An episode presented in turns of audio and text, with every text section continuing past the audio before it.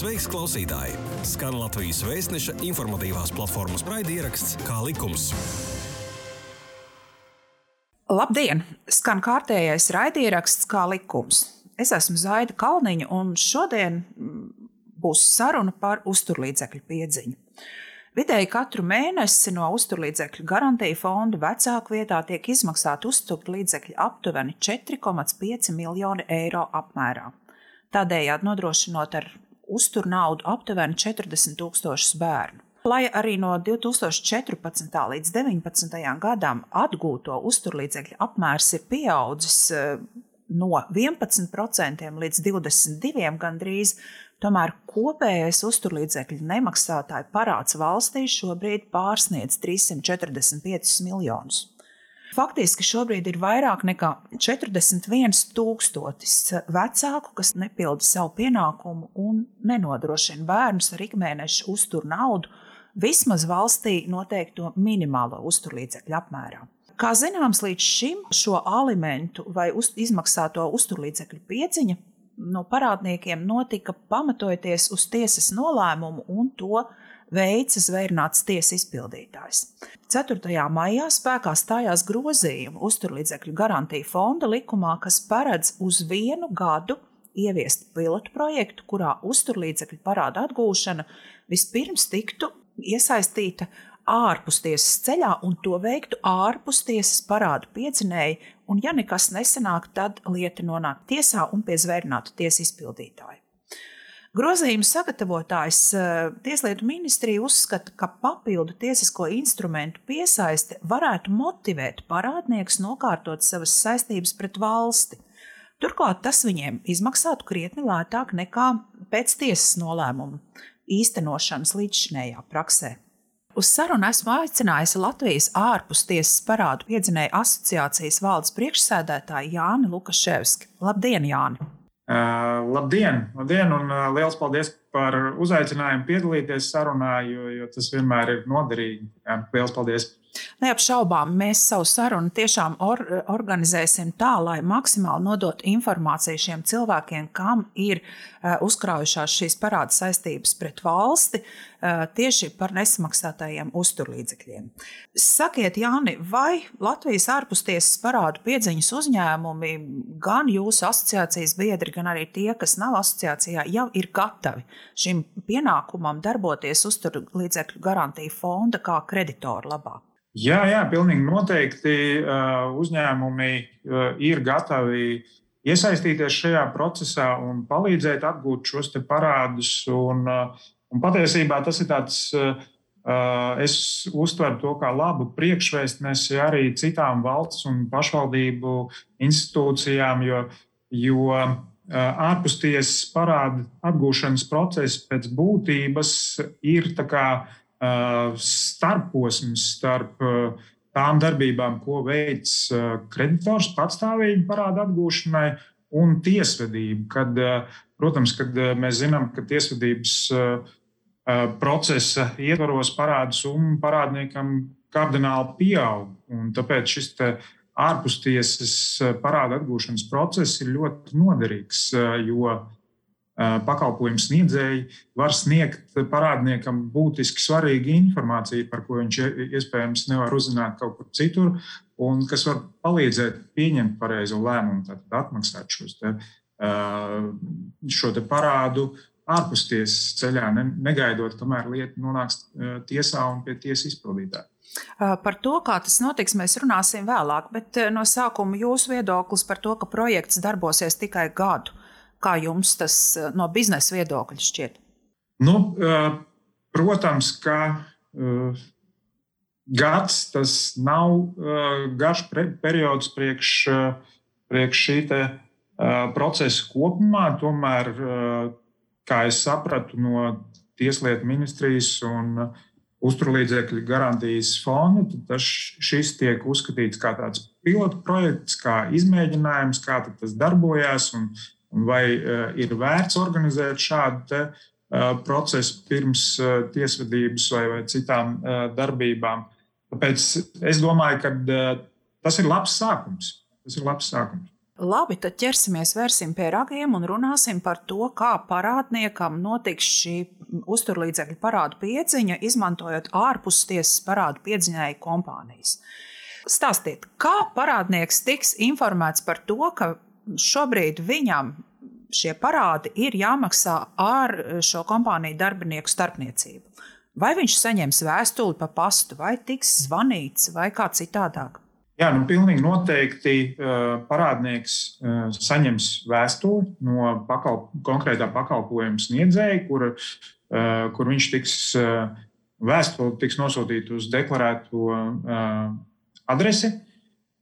Un vēstulē parādnieks tiks informēts par to, ka pakalpojums sniedzējs ir pilnvarots no uzturlīdzekļu garantijas fonda puses strādāt ar šo parādu lietu, tiks sniegta informācija uh, par pašu parādu, un eh, arī aicinājums eh, sazināties uz jau konkrētiem, norādīt konkrētus kontaktus. Kā jūs risināsiet šo Latvijā tik ļoti bieži eksistējošo situāciju ar deklarētās un faktiskās dzīvesvietas adreses neatbilstību? Nu, diemžēl tā ir problēma.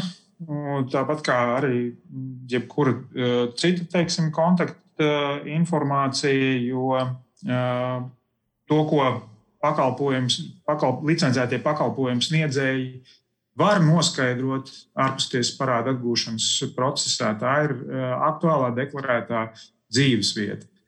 Faktiskā dzīvesvieta, ja viņa atšķirās no deklarētās, principā ir noskaidrojama tikai pašā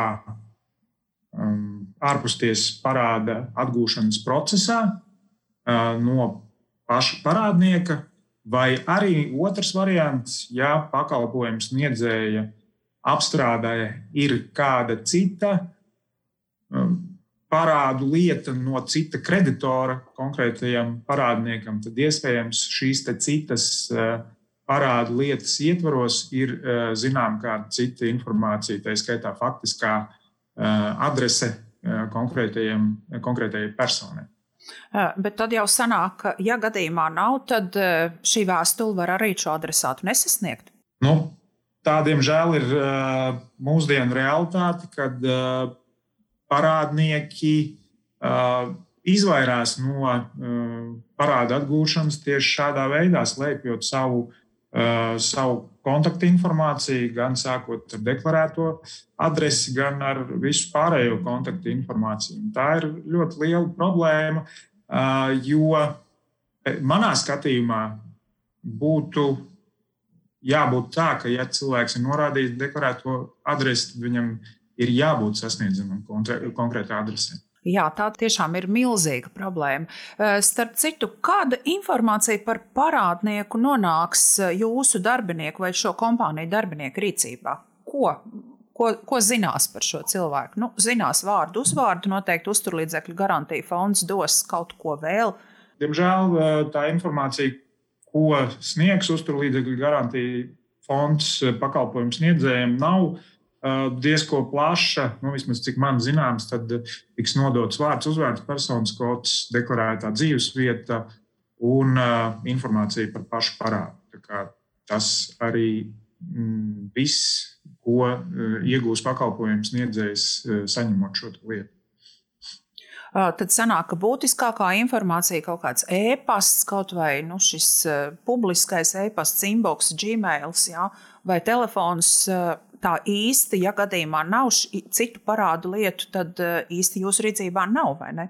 Nu, ja, ja, tā, eh, ja tā informācija nav pie, pieejama publiski vai, vai kā, kādas citas lietas ietvaros, tad, eh, jā, tad tā, tā ir tā realitāte. Nu, tas nozīmē, ka ir jāmeklē šis cilvēks. Protams, ka uh, kontaktu meklēšana un šie mēģinājumi kaut kā sazināties ar parādnieku, tas ir liels liels, liela daļa no ārpustiesas parāda atgūšanas procesa. Varbūt varat iezīmēt, nu, pastāstīt to situāciju, kā strādā parādu kom, piedziņas kompāniju darbinieki, kad saņem šo pie, nu, lietu, kad ir jāpiedzena parāds no personas X. Ko dara? primāri, protams, kā jau minēju iepriekš, tātad šī lieta tiek ievadīta pakalpojumu sniedzēja sistēmā un tiek nosūtīta šī brīdinājuma vēstule, kurā tiek informēts par, par parādu, par to, kad, kad attiecīgā parāda lieta ir nodota pakalpojumu sniedzējiem un kad konkrētais kreditors ir pilnvarojis pakalpojumu sniedzēju strādāt ar šo lietu. Un, tiek izteikts aicinājums sazināties parādniekam ar pakalpojumu sniedzēju konkrētu, parasti konkrēti darb, darbinieks arī tiek uh, minēts, vai arī uh, kompānija kopumā. Ja. Uh, tas ir pirmais solis. Nu, un tad, tad ir nākamie soļi. Nu, tad, ja ir pieejama šie, šī kontakta informācija, citu veidu kontakta informācija, telefons, e-pasts, jā, tad attiecīgi tiek zvanīts, tiek sūtīti e-pasti, īsiņas un visādā citādā atļautā veidā tiek mēģināts sakontaktēties ar šo parādnieku un sniegt šo nepieciešamo informāciju parādniekam. Jo Jā, pakalpo, ārpustiesas parāda atgūšanas eh, pakalpojums pēc būtības ir komunikācija, eh, tiešā komunikācija ar parādnieku. Un pakalpojumu sniedzējs šajā gadījumā ir vidutājs starp eh, kreditoru un parādnieku. Un, kā jau es teicu, tad ārpustiesas atgūšanas procesā pakalpojumu sniedzēja galvenais pienākums ir sniegt uh, šo noderīgo informāciju parādniekam, kas iespējams viņam nav zināms. E, kad ārpusties ceļā labprātīgi nokārtot e, e, saistības ir izdevīgāk, daudzreiz izdevīgāk nekā tad, ja lieta nonāks tiesā.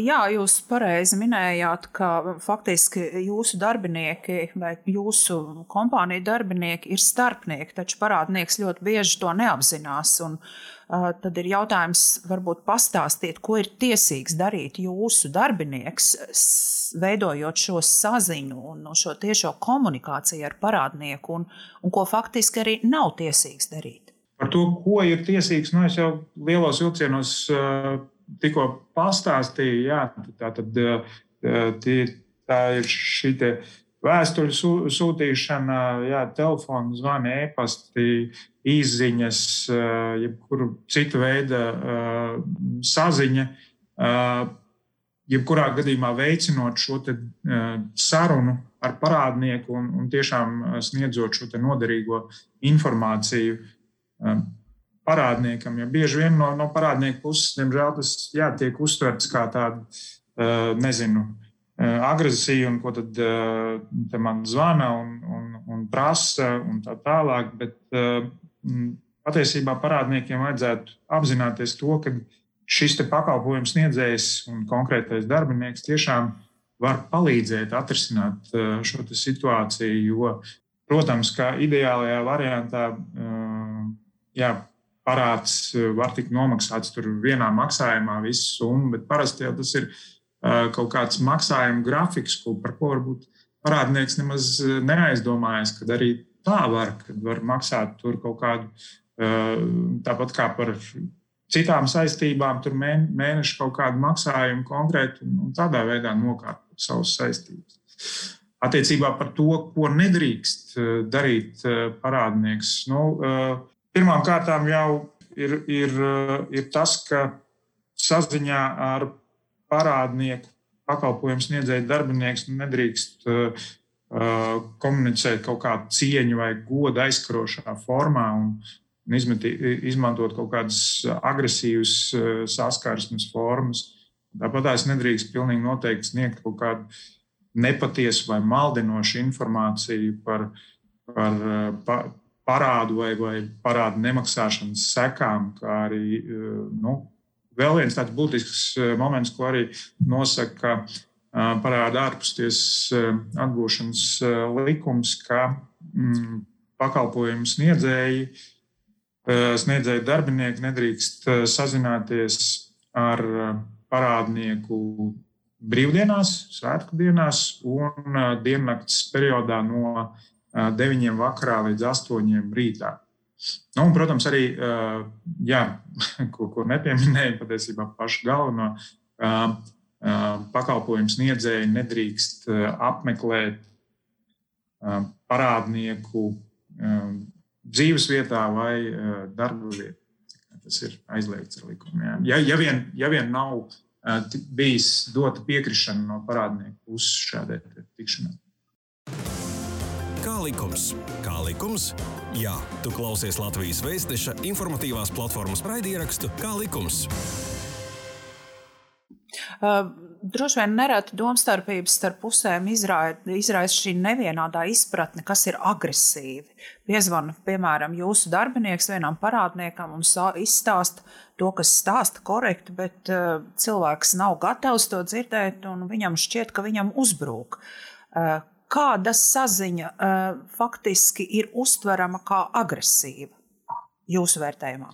Nu, nu šeit ir, ir, protams, ļoti Šeit ir tāds, tā smalkā līnija, un, bet primārais ir tas, ko es jau pieminēju, ka tā saziņa nedrīkst būt cieņa un goda aizskaroša. Bet, bet tā ir skaitā, teiksim, nu, tur, protams, ka nedrīkst nekādā gadījumā izteikt draudus vai veikt kaut kādas darbības, kas aizskar dzimumu, vecumu, rases vai, etnisko piedarību, mm, nerunājot jau par eh, reliģisko, politisko un citu eh, pārliecību vai, vai, vai invaliditāti un, un tā tālāk. Tā tas, tas noteikti nu, nedrīkst izma tikt izmantots uh, saziņā.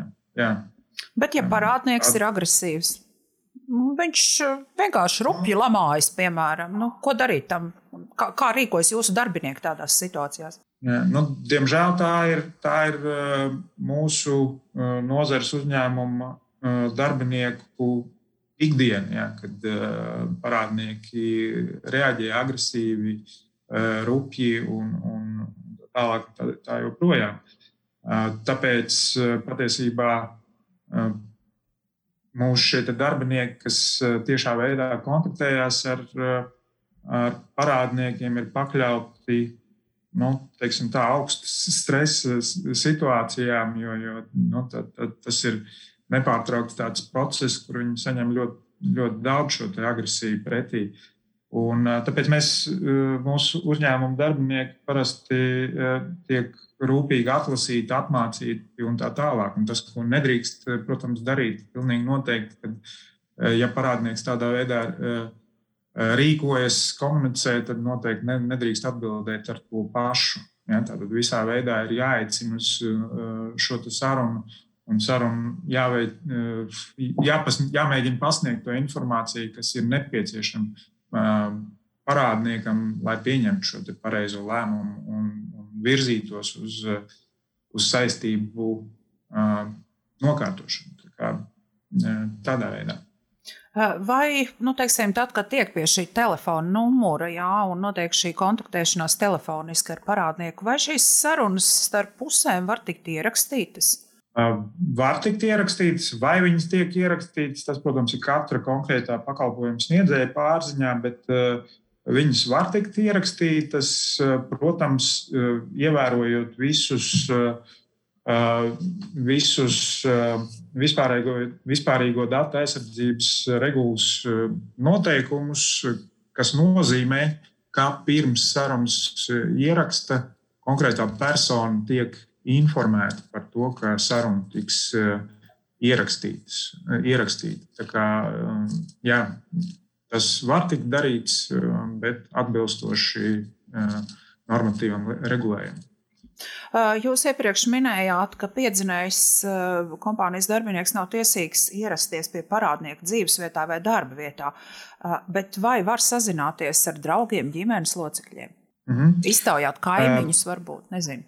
Nu, jā, tādu. tas ir jā, tēma par to, vai drīkst sniegt informāciju un sazināties ar trešajām personām, kāda ir ģimenes locekļi, draugi un, un, un paziņas, tad jā, bieži vien patiesībā ir tā, ka parādnieki paši nevēloties komunicēt patiešo ar pakalpojumu sniedzēju, pilnvaro kaut kādus pārstāvjus komunikācijai ar pakalpojumu sniedzēju. Protams, jā, attiecīgai pilnvarai atbilstoši jābūt noformētai.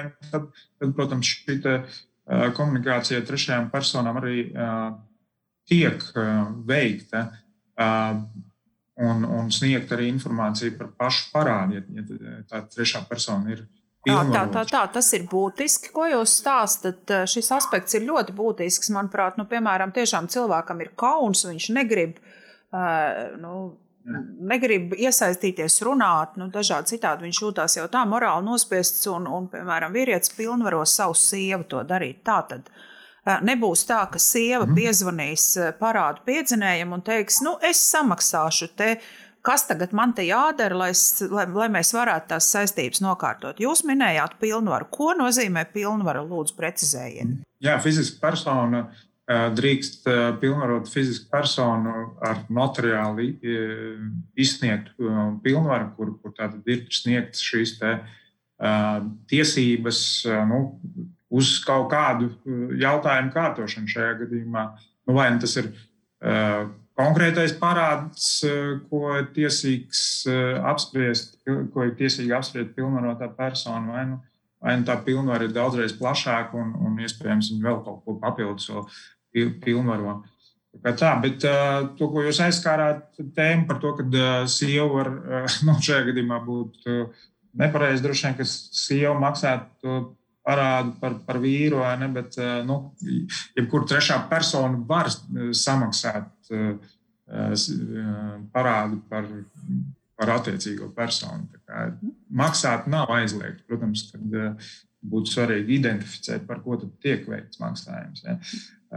Bet, bet attiecībā, attiecīgā, attiecībā uz saziņu, jā, ir vajadzīga šī pilnvaru. Labi, un tagad pats galvenais summas parāds, plus kas vēl, kā veidojas šī atmaksājumā kopsumma, kas, ar ko jārēķinās parādniekam vai viņa pilnvarotajai personai, kas nu, tālāk šīs saistības kārtos. Es, protams, neesmu iedziļinājies uzturlīdzekļu garantijas fonda šajā pašā parāda struktūrā, kā, kā viņš veidojās, bet cik man zināms, tad ir galvenais Šajā gadījumā ir galvenais parāds un uh, kaut kādi likumiskie procenti, kas tiek uzrēķināti par kaut kādu kavējumu periodu. Es, es varu kļūdīties, bet šķiet, ka man ir taisnība. Papildus šim te tātad pakalpojums sniedzējs drīkst pievienot parāda atgūšanas izdevumus, ko regulē ministra kabineta noteikumi, un parāda ārpustiesas atgūšanas likums, un ir, kas uz šo brīdi ir maksimums 17 eiro par vienu parādu lietu. Plus šie grozījumi uzturlīdzekļu garantijas fonda likumā nosaka to, ka no parāda, parādam var tikt pievienot šī parāda piedziņas atlīdzība, kas ir maksimums 6% eh, no faktiski piedzītās parādu summas. Tad eh, šīs ir tās pozīcijas, no kā eh, veidojas, veidosies nu, šis parāda, parāda kopējā summa. Tātad nosauksim vēlreiz šīs pozīcijas. UGF parādu piedziņas lietā iedod summu X Eh, kādu viņi iedod, tātad tas ir parāds plus viņu pierēķinātie procenti par to, ka valsts ir maksājusi šo naudu. Tā varētu būt. Šī mm -hmm. summa X. Tālāk, tā, tā varētu plus, būt jā, likumiskie procenti. Jā, plus. Plus uh, parāda piedziņas izdevumi 17, 17 eiro. Jā, un, plus, un vēl plus 6, 6% no faktiski piedzītās parādu summas. Tātad trīs pozīcijas. Skaidrs. Jā. Kāda ir parādu maksāšanas kārtība ārpus tiesas parādu piedziņas gadījumā? Skaidrā naudā, uz kontu, uz kādu kontu, cik bieži? Asociācijas biedri pilnīgi noteikti, jebkuru vērā ņemam kompāniju. šos norē, norēķinus veids tikai un vienīgi bezskaidrs naudas norēķinu veidā, tātad pārskaitījumu uz kontu. Un nosu, šajā nosūtītajā vēstulē, par ko jau mēs runājām iepriekš, pilnīgi noteikti būs norādīts bankas konts, uz kuru veikt šo atmaksu. Un, jā, tad tad nu, ir nākamais jautājums, jā, vai tas, vai tas maksājums tiek izdarīts par pilnu summu vienā maksājumā, vai arī saziņas veidā ir, ir vienošanās par kaut kādu maksājumu grafiku, kur tad tiek noteikts kaut kāds mm, mēneša maksājums, kuru parādnieks veic uz šo kontu katru mēnesi. Un no pakalpojumu sniedzēja puses, tad, protams, tiek veikta šī maksā, maksājuma grafika uzraudzība un kontrole. Nepieciešamības gadījumā arī atgādinot, ka, ka maksājums nav veikts. Un kā ir tajā situācijā, piemēram, cilvēks sākotnēji vienojas, nu, ka izmaksās šo kopējo parādu summu tur viena gada laikā, katru mēnesi ieskaitot tur, nu, teiksim, 70 eiro. Uh, bet mm. Samazinās ienākumu, un viņš kādā mēnesī ieskaita 50. Kas notiek? Vai viņš tiks kaut kādā veidā brīdināts, vai, vai tas arī tiek uzskatīts tomēr par par, par maksāšanas ievērošanu, vienkārši pagarinot šo maksājumu grafiku, vai kā, kā, cik elastīga būs kompānija šajā situācijā? Es domāju, ka pakalpojumu sniedzēji būs elastīgi, un ja tas ir eh, šis ārpusties parāda atgūšanas uh, procesa galvenais, uh, noteiksim, stūrakmenis, ka mēs komunicējam ar parādnieku un mēģinam noskaidrot eh, šos faktiskos apstākļus un, un tad un cik tad eh, attiecīgā persona ir gatava uh, maksāt. Nu, jo, jo nu, mēs zinām, ka jā, daudz valstī ir grū, grūtos finansiālos ap, apstākļos, bet šeit svarīgi ir, ir kārtot saistības, jā, tik cik atļauj konkrētā situācija. Un, un ja uh, samazinās šie ienākumi, tad, tad, tad uh, mans aicinājums būtu šiem šīm personām kontaktēties un runāt un skaidrot uh, situāciju, ka tā un tā, ka uh, jā, ir šomēnes ir mazāk ienākumu, es varu šomēnes samaksāt tik, un, un nākamā mēnesī atkal būs tik. Un, un, jo te, te ir svarīga komunikācija un nevajag uh, jā, tā kā strauss iebāzt galvu zemē un, un, un domāt, ka nekas uh, uh, man neskars. Tā, tā nenotiek. Ir jākomunicē, jārunā, un tad arī jā, problēmas tiks atrisinātas. Es domāju, ka būtiski ir piebilst, ka šajā gadījumā parādniekam netiek bankas konts bloķēts. Ja?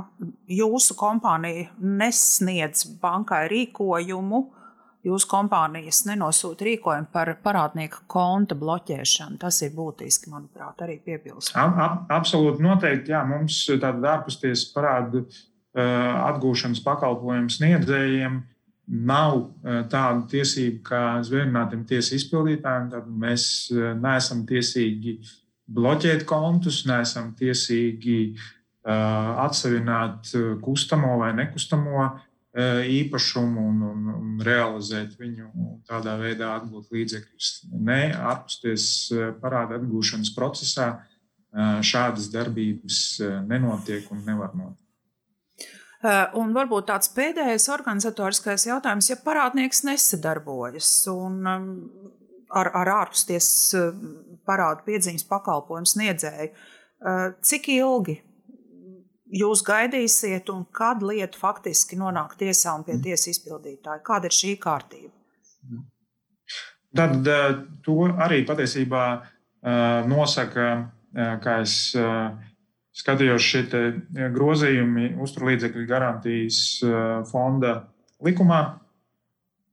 Un, tātad, ja parādnieks neveic nekādas atmaksas, parāda atmaksas, tad šī lieta pakalpojumu sniedzējiem tiek nodot uz sešiem mēnešiem. Tad sešu mēnešu periodā, ja netiek veikti maksājumi nekādi, tad lietu pārņem atpakaļ uh, uzturlīdzekļu garantijas fonds. Un, un visdrīzāk, kad tie lieta tiek nodota tiesu izpildītājiem. Tad jau sekas ir, ir nopietnākas. Attiecībā, ja šie maksājumi tādi vai savādāki tiek veikti, tad jā, šī iedziņa turpinās vienu gadu. Un, ja nesamaksā, tad kaut kāds paliek astīti, piemēram. Kas tad notiek? Nu, es, Es domāju, ka tas ir tāds atvērts jautājums, kas droši vien, ko uzturlīdzekļu garantijas fonds gan jau, kad skatīsies pēc šī, nu, tuvojoties šim gada periodu beigām, un, un ko tad darīt, vai pagarināt šo sadarbību ar atpūsties parādu atgūšanas pakalpojumu sniedzējiem vai nē. Tas ir, ir mans subjektīvs viedoklis, jā, bet, bet iespējams, ka jā, to jums arī vajadzētu uzjautāt uzturlīdzekļu garantijas fondam un tieslietu ministrijai. Okay. Uh, nu, ko raida ieraksts uh, savā laikā, varētu teikt, ir iztecējis. Es teikšu paldies uh, Latvijas ārpustiesas parādu piedzinēju asociācijai un jums, Jāni, par skaidrojumu uz šobrīd, manuprāt, ļoti daudziem klausītājiem, ļoti noderīgiem jautājumiem. Uh, lai šī sadarbība izdodas, lai palīdzat kārtot, darot savu darbu, palīdzat cilvēkiem nokārtot viņu eh, parāda saistības. Un eh, tev, klausītāji, ja tu zini kādu, kam tas var būt noderīgi, noteikti dalies ar šo informāciju. Uz redzēšanos, uz tikšanos citā raidierakstā, kā likums, saku jums, es Zaida Kalniņa un Jānis Lukaševits. Šī bija iknedēļas pusstunda kopā ar oficiālā izdevēja Latvijas vēstneses informatīvās platformas raidierakstu Kā likums. Pastāsti citiem, ja bija noderīgi un interesanti. Kā likums, tiekamies ik trešdienu!